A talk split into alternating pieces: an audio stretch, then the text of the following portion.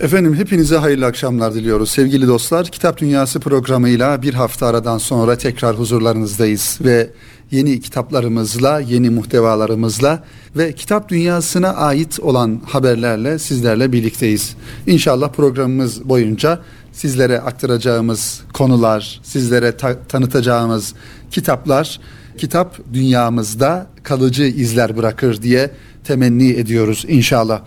Kıymetli dinleyenlerimiz biraz manevi dünyamıza hitap eden ve gönül dünyamızı bir manada aydınlatan bir kitaptan bahisle programımıza başlamak istiyorum inşallah.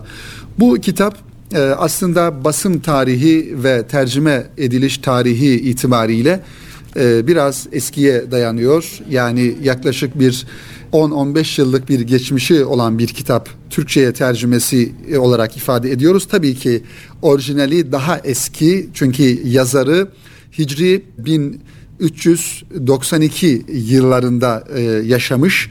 Abdullah bin Alevi El Haddad ismini taşıyor e, kitabımızın yazarı, müellifin adı ve Erkam yayınlarına da bu kitabı kıymetli hocamız Ali Hüsrevoğlu kazandırmış, tercüme etmiş.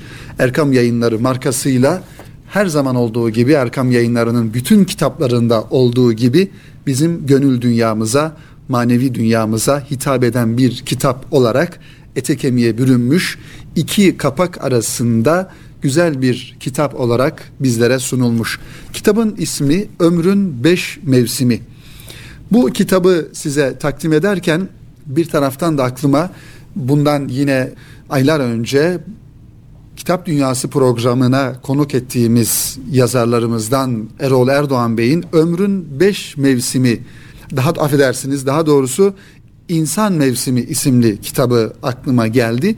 İnsanın hayatında malumunuz olduğu üzere farklı dönemler, farklı mevsimler, farklı zaman dilimleri söz konusu ama bir de bizim hayatımızı, ömrümüzü mevsimlere böldüğümüzde bunu işte Abdullah bin Alevi el-Haddad rahmetullahi aleyh beş mevsime bölmüş ve bu beş mevsimi de bir şekilde tasnif etmiş. Bu kitabı inşallah ömrümüzün hangi dönemlerden oluştuğunu, hangi mevsimlerden oluştuğunu ortaya koymak için inşallah bendenizde sizlere aktarmaya çalışacağım kitabın içeriğinden bazı e, bilgileri. Şöyle baktığımızda e, öncelikli olarak yazarla ilgili kısa bir bilgi vermek istiyorum. Yazar kimdir? İmam Abdullah bin Alevi el-Haddad rahimehullah 1044 Hicri yılında Terim şehrinde dünyaya gelmiş.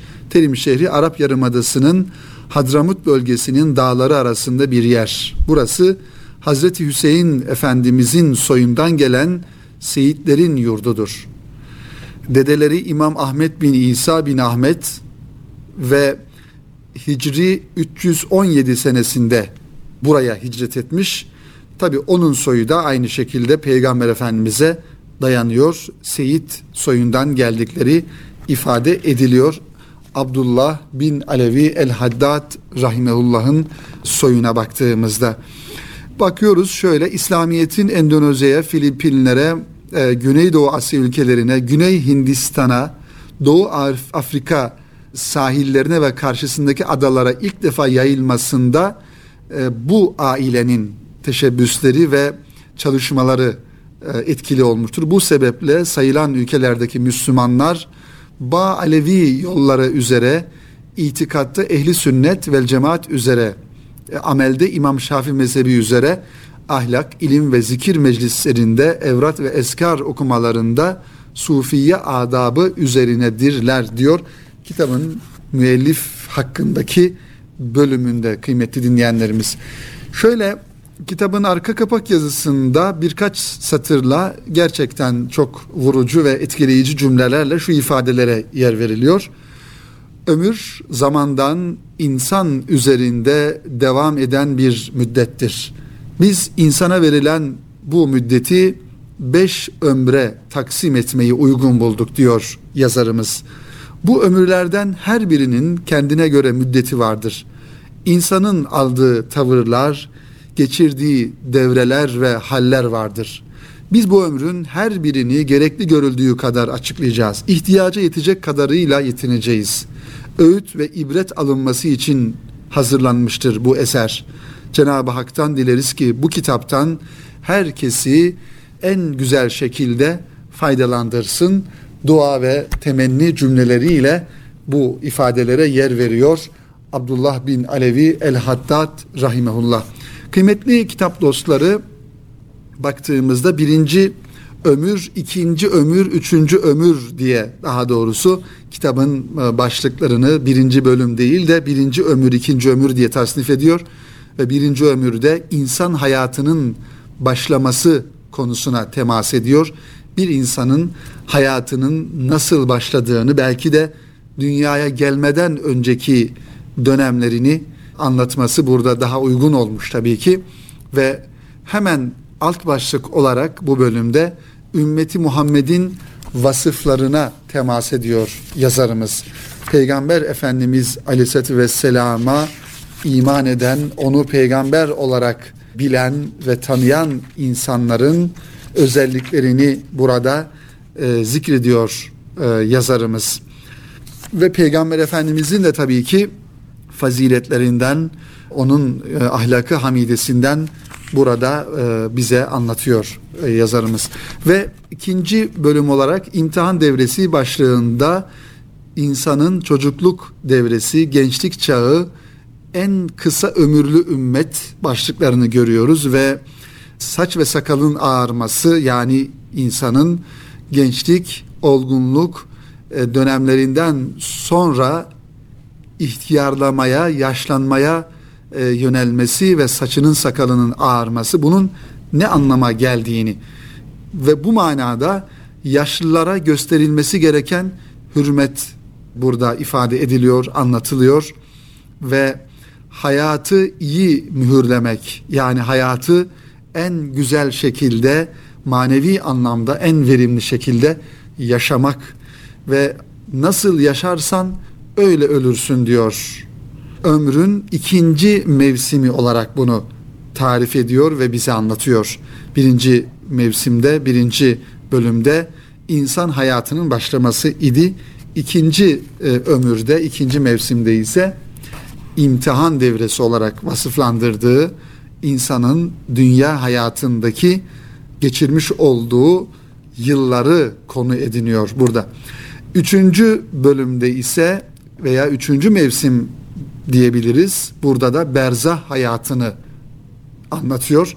Berzah hayatı içerisinde neler var baktığımızda kıymetli dostlar kabir azabı Allah muhafaza ve kabir ziyareti surun üfürülmesi ve kıyamet bu da insan hayatında aslında insan hayatını dünya hayatı ve ahiret hayatını beraber düşünüp ömrün beş mevsimi içerisine bu bölümleri de koymuş. Berza hayatı, kabir azabı ve kabir ziyareti konularını, kıyameti burada e, anlatıyor.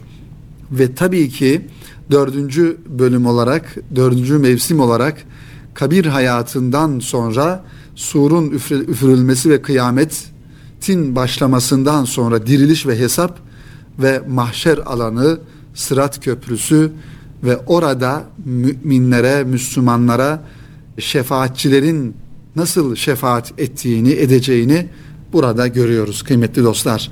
Mahşer alanı, mahşer anı insanların toplanması, mümin, Müslüman olan veya olmayan, kafir olan insanların her birisinin, bütün insanların mahşer alanına toplanması ve hesap gününün orada yaşanması ve herkesin dünya hayatında yaptıklarından dolayı hesaba çekilmesi anını, zamanını ve bu tabloları burada görüyoruz.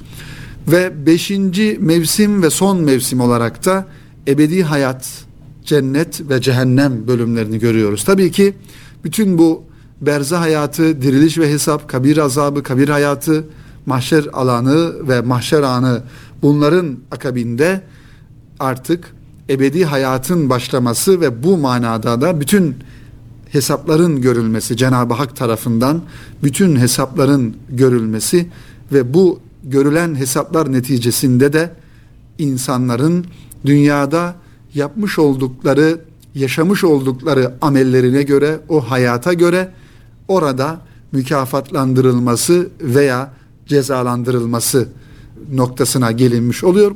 Bu manada da cehennem ve ehlini anlatıyor yazarımız. Cennet ehli ve cennet ehlinin yaşayacağı, göreceği nimetler ve tabii ki cennet ehlinin ya da müminlerin orada kurtuluşa, felaha eren müminlerin cemalullahı yani Cenab-ı Hakk'ın cemal, cemalini seyretmesi konuları da burada bize anlatılıyor. Son olarak da Allah'ın rahmeti mevzusu burada konu ediliyor. Hem şöyle kitabımızın son e, bölümü olarak biz de hem istifade olması açısından okuyalım birkaç paragrafı buradan sizlere kıymetli dostlar. Allah'ın rahmeti konusunda diyor ki yazarımız ayeti kelimelerden de istifade ederek Cenab-ı Hak şöyle buyuruyor. Rahmetim her şeyi kuşatmıştır. Ve yine baktığımızda Hicr suresinin 49. ayet kelimesinde kullarıma benim gafur ve rahim olduğumu haber ver diye buyuruyor. Ve burada tabii ki Cenab-ı Hakk'ın merhamet sıfatının, rahmet sıfatının gazap sıfatından önde geldiğini ifade buyuran ayet-i kerimeler var. Rivayet olunduğuna göre kıyamet günü olduğu zaman Allah'ın Allah arşın altından bir yazı çıkarır. O yazıda şöyle yazılır. Rahmetim gazabımı geçmiştir. Ben merhamet edenlerin en merhametlisiyim. Cennete girenler kadar da cehennemden çıkarır. Peygamber Efendimiz sallallahu aleyhi ve sellem şöyle buyurmuşlardır. Kıyamet gününde Allah bize gülerek tecelli eder ve şöyle buyurur. Ey Müslümanlar topluluğu sevinin. Sizden hiçbiriniz yoktur ki her birinizin ateşteki yerine bir Yahudi ve Hristiyanı koymuş olmayayım. Ve yine Peygamber Efendimiz şöyle buyuruyor. Kıyamet gününde arşın altından bir çağırıcı şöyle nida eder, şöyle çağırır. Ey Muhammed ümmeti, bana karşı işlediğiniz hataları size bağışlıyorum. Bundan sonra birbirlerinize karşı hatalarınız ve haklarınız kalıyor. Bunları da siz birbirlerinize bağışlayın ve rahmetim sayesinde cennetime girin. Diyor ki sonra yazar kıymeti dinleyenlerimiz tam son cümle ve kitabını da bu ifadelerle bitiriyor. Bu mübarek telifte yazmak istediklerimizin sonu budur. Allah'tan bunu mübarek kılmasını istiyoruz. Fazlın ve hayrın tümü Allah'ın elindedir. Emir O'nundur. Yüce Allah'a dayanmaksızın hiçbir güç ve kuvvet sahibi olamayız. Allah bize yeter. O ne güzel vekildir diye burada ifadelerini bitirmiş yazarımız. Tabi Ali Hüsrevoğlu hocamıza da ayrıca teşekkür etmek gerekiyor. Bu kitabı yıllar önce tercüme etmiş ve Erkam yayınları markasıyla kitap dünyamıza kazandırmış. Bizim istifademize sunmuş. Ömrün beş mevsimi kıymeti dinleyenlerimiz her birisi kendi içinde ayrı ayrı ve en güzel şekilde tabii ki dünyevi daha doğrusu dünyada yaşadığımız e, zaman dilimi olarak Rabbimizin bize ihsan ettiği ömür sermayesi olarak bildiğimiz, yaşadığımız bu zaman dilimini en güzel şekilde yaşayarak ömrün ilk iki mevsimi yani hayatımızın başlaması ve imtihan devresi dediğimiz bu iki mevsimi en güzel şekilde yaşayıp sonraki üç mevsim olan berze hayatı, diriliş ve hesap ve sonrasında da ebedi hayat cennet ve cehennemi de bu imtihanları geçtikten sonra kazanarak inşallah Rabbimizin huzuruna cennet ehli olarak e, çıkarız ve onun bize ikram edeceği o güzel nimetleri cennet nimetleriyle beraber tabii ki en önemli nimeti de cemalul, cemalullahını görebilmek Rabbimizin cemalini seyredebilmek nimetini de inşallah Rabbimiz bütün müminlere bütün ümmeti Muhammed'e ihsan eder diye dualarımızla bunu Rabbimizden istiyoruz kıymeti dinleyenlerimiz. Efendim bu kitabı sizlere taksim ettik. İnşallah manevi hayatımıza dedik e, bir katkı sağlar, bir artı sağlar inşallah manevi hayatımızı ve dünyada yaşadığımız ibadet hayatımızı, amellerimizi tekrar bir gözden geçirme noktasında inşallah bize bir ışık tutar, bir anahtar görevi görür diye ümit ediyoruz inşallah. Efendim geçtiğimiz günlerde daha birkaç gün önce Türkiye'nin yetiştirmiş olduğu önemli şahsiyetlerden birisi sosyologlardan hocaların hocası olarak ifade edilen Profesör Doktor Şerif Mardin vefat etti 90 yaşında.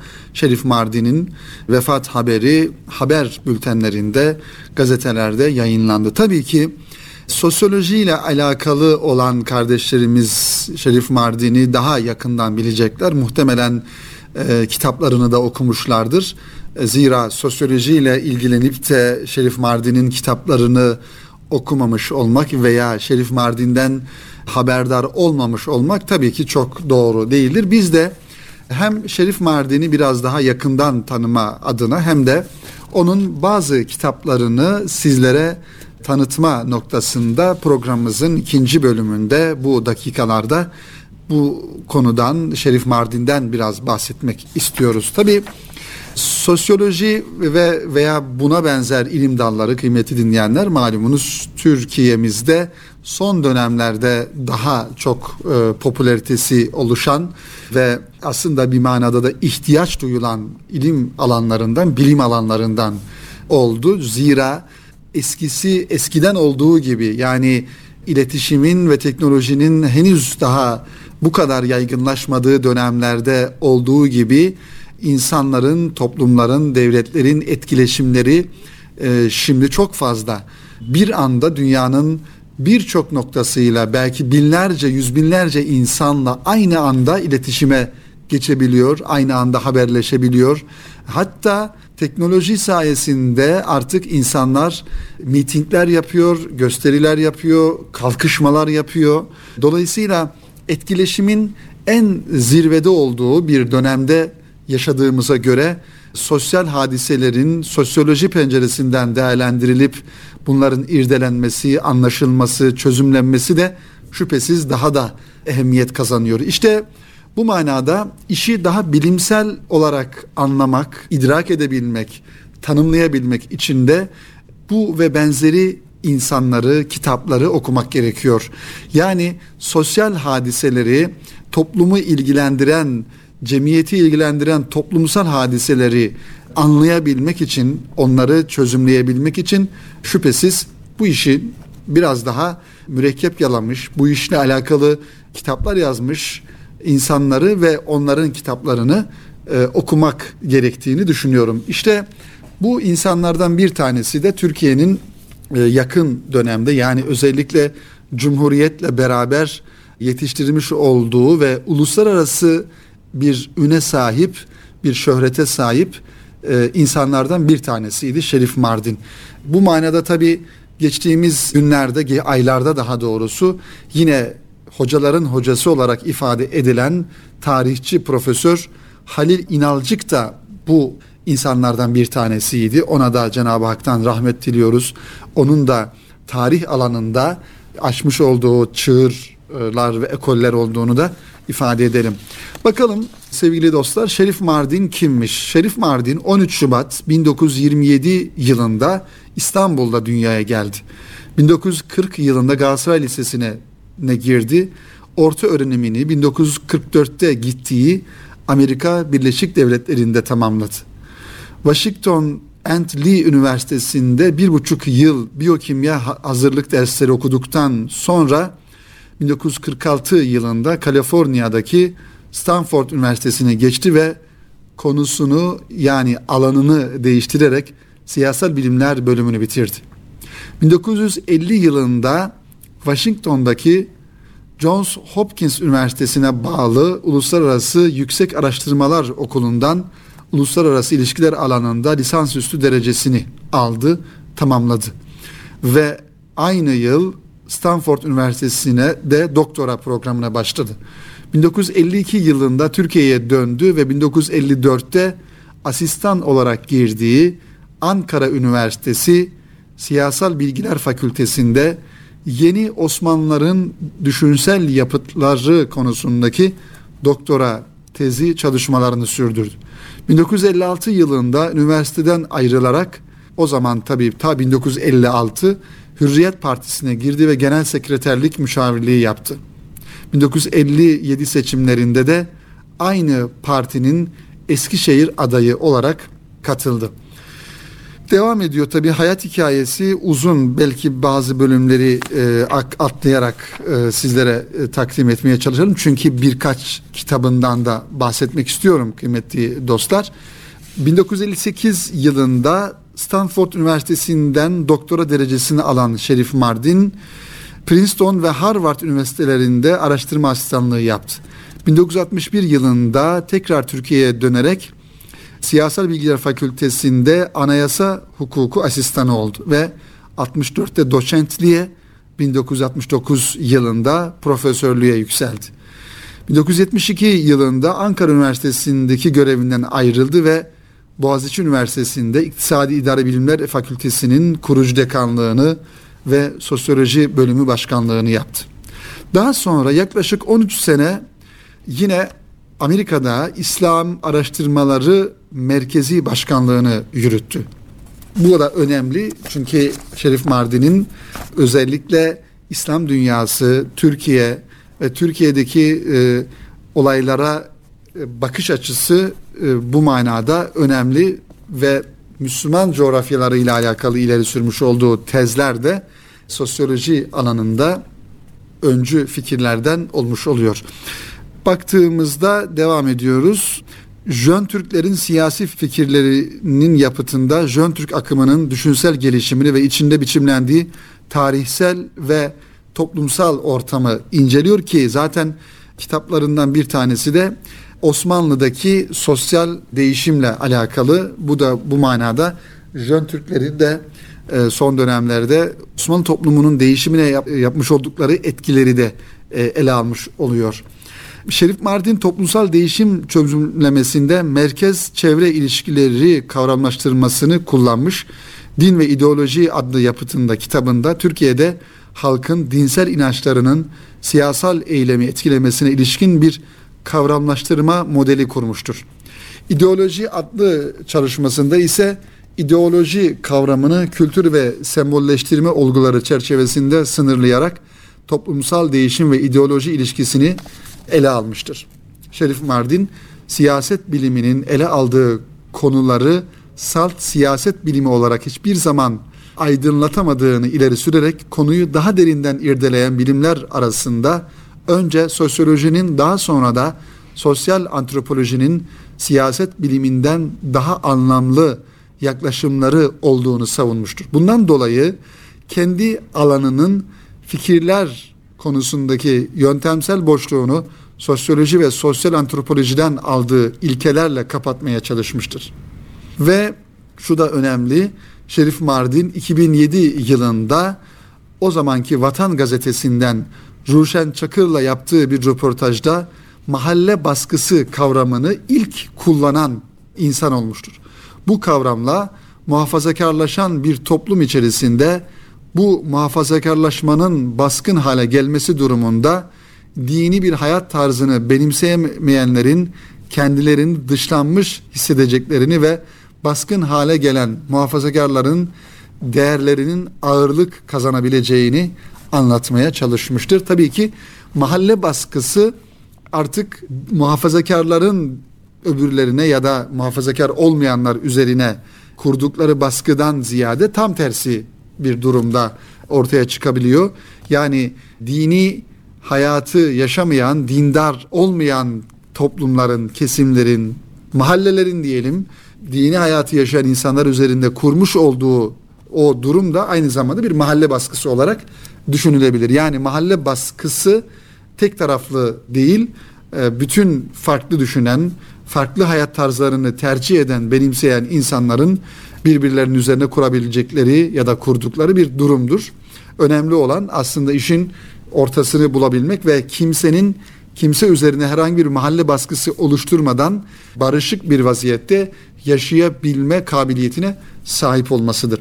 Şerif Mardin'in kitaplarına baktığımızda kıymetli dinleyenlerimiz Din ve İdeoloji ismini taşıyor. İdeoloji ayrıca başka bir kitabı. Bediüzzaman Said Nursi olayı modern Türkiye'de din ve toplumsal değişim ayrı bir kitabı tabii ki. Jön Türklerin siyasi fikirleri 1895-1908'li e, yıllar arasında Jön Türkleri ele almış. Siyasal ve sosyal bilimler, Türk modernleşmesi, Türkiye'de din ve siyaset, Türkiye'de toplum ve siyaset, yeni Osmanlı düşüncesinin doğuşu gibi kitapları iletişim yayınlarından çıkıyor. Bunlardan bir tanesi Türkiye İslam ve Sekülerizm ismini taşıyor. Ee, Şerif Mardin'in dinin toplumsal hayatta oynadığı rol, dini kurumların Cumhuriyet döneminin modernleşme perspektifiyle yaşadığı gerilimli ilişki, toplum bilimleri açısından çeşitli araştırmalara yol açmıştır. Şerif Mardin'in bu kitapta bir araya getirilen makaleleri 19. yüzyıldaki siyasal tartışmalardan AK Parti'ye uzanan gerilim hatlarının siyasal düşüncede ve siyaset sahnesinde nasıl bir rol oynadığını inceliyor. Türkiye'de düşünce tarihi, din ve siyaset sosyolojisine yaptığı önemli katkılar sebebiyle düşünce hayatımızın önde gelen isimlerinden biri olan Şerif Mardin, toplumumuzda 100 yılı aşkın bir süredir gündemde kalan din, modernleşme, batılılaşma gibi olguları hem resmi yorumun hem de yerleşik muhalif söylemlerin dışında kalarak toplumsal zemin ve arka planlarıyla birlikte ele alıyor. Şerif Mardin'in pozitivist batı düşüncesinin Türkiye'de egemen görüşle birleşerek biçimlendirdiği kabul edilmiş eğilim ve yönteme kapılmayışı, toplumsal değişim dinamiklerini genel geçer kalıplara sokmayışı, resmi ideoloji ve kemalist söylemin etkilerinden uzak kalışı, onu Cumhuriyet aydınlarının önemli bir kesiminden kalın çizgilerle ayırır ve bütün eserlerini toplum bilim dünyamızda ayrıcalıklı bir yere oturtur diyoruz. Diyor daha doğrusu bu kitabın tanıtımında kıymetli dinleyenler. Yani Şerif Mardin'e baktığımızda hani çok cumhuriyetçi böyle e, cumhuriyeti bütün yönleriyle ön kabulle kabul etmiş bir insan tipi olarak da görmüyoruz ya da e, tamamen İslami düşüncelerle donanmış İslamcı bir kafa yapısına sahip olarak da görmüyoruz. Sadece Osmanlı Devleti'nin bir manada sona ermesi ve Türkiye Cumhuriyeti'nin kurulması ile bu coğrafyada ortaya çıkan sosyolojik gerçekleri toplumun gerçekleriyle beraber görmeye çalışan, bunları ifade etmeye çalışan ve bunları yazmaya çalışan bir aydın olarak görmek lazım. Ee, Şerif Mardin'i kıymetli dinleyenlerimiz. Evet, bu manada bir kitabını daha sizlere aktaralım ve inşallah programımızı sonlandıralım. Bu kitabın ismi de Türk Modernleşmesi ismini taşıyor. Türkiye'nin modernleşme, batılılaşma eksenindeki müzmin tartışma konularına Şerif Mardin'in yaklaşımı modernleşme sürecini ileri geri kutuplaşmasına indirgemiyor. Ki hani Türkiye'de yıllarca modernleşmeyi dindar olma veya dindar olmama bağlamında ya da ilerici olma, gerici olma gibi anlamsız bir zeminde tartışan bir sürü sözüm ona aydın insanların sağ ekranlarda boy gösterdiğini, fikirlerini söylediğini, ifade ettiklerini yıllarca gördük. Halbuki Türkiye'nin modernleşmesinin bu bağlamda değil veya kendi içinde bir e, modernleşme olarak değil, batılılaşma anlamında değil, kendi gerçekleriyle bunları ifade ederek ortaya koyarak tartışmak gerekiyor. Bu kitap bir derleme kitabı. Tabi bu derlemede modernleşmeyi ve farklı düşünce akımlarının modernleşmeyi algılayışlarını ele alan makaleler yanında modernleşme sürecinin gençlik, kültür, kitle, demokrasi gibi kurumsal, kavramsal çerçevelerdeki iz düşümlerini, dinamiklerini tartışan yazılar burada ele alınıyor. Şerif Mardin'in Türk Modernleşmesi isimli kitabında. Evet, bir kitap daha var son olarak Siyasal ve Sosyal Bilimler ismini taşıyor. Şerif Mardin'in imzasını taşıyan 1950'lerden beri Şerif Mardin'in 1950'lerden beri sosyal bilimlere ilişkin olarak yazdığı makalelerin ve kitap eleştirilerinin derlemesi olarak karşımıza çıkıyor bu kitap. Derlemede yönteme, metin analizine, ideolojik sembol tahliline, sosyolojik kavramlara e, ve buna benzer daha teknik özellikli metinler yer aldığı gibi Türkiye'nin siyasi ve toplumsal kültür yapısını yorumlayan eleştirel makaleler de bulunuyor kıymetli dinleyenler. Bendeniz kısaca belki şunları ifade edebilirim e, bu kitaplarla ve Şerif Mardin'le alakalı haddimiz olmayarak tabii ki birçok konuyu belki tarafsız, ideolojiden uzak baktığımız pencereden ya da düşündüğümüz e, bizim kendi e, ideolojik arka planımız, fikirlerimizden bağımsız bir şekilde, daha tarafsız bir şekilde irdeleyebilmek için özellikle Türkiye'nin bir takım gerçeklerini bu ve benzeri insanları okumak gerekiyor. Belki zaman zaman kendimiz gibi düşünen, kendimiz gibi yazan, kendimiz gibi konuşan insanları okumak bizim hoşumuza gider ve bizim fikri altyapımızı, fikri arka planımızı besler. Bu çok normal ve tabii bir şeydir. Ancak e, farklı düşüncelerden, farklı kesimlerden insanları ki özellikle objektif düşünebilen, tarafsız düşünebilen yazarları, bilim adamlarını, alimleri e, okumakta da büyük fayda olduğunu ifade edelim kıymetli dinleyenlerimiz. Ve bu düşüncelerle, bu ifadelerle programımızı bu haftada sonlandıralım. Önümüzdeki hafta tekrar yeni kitap dünyası ve yeni kitaplarla buluşmak ümidiyle hepinizi Rabbimize emanet ediyoruz. Hayırlı akşamlar diliyoruz efendim.